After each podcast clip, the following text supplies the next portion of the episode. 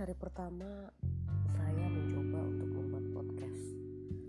Kenapa saya mencoba? Karena memang podcast sepertinya bakal jadi era baru di dunia digital di mana orang-orang bisa bercerita, orang-orang bisa berinteraksi atau orang-orang bisa mengerti apa yang mau kita sampaikan tanpa perlu terlalu banyak berpikir.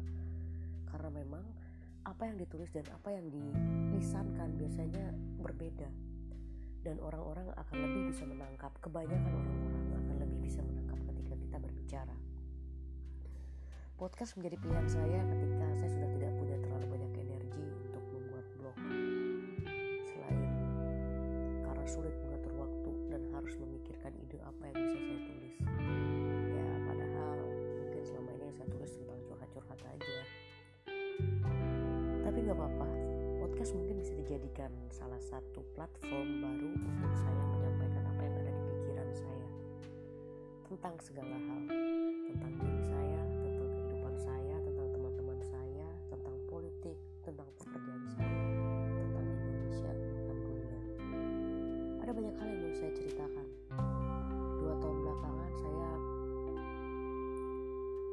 melakukan perjalanan ke beberapa negara hmm, untuk bekerja dan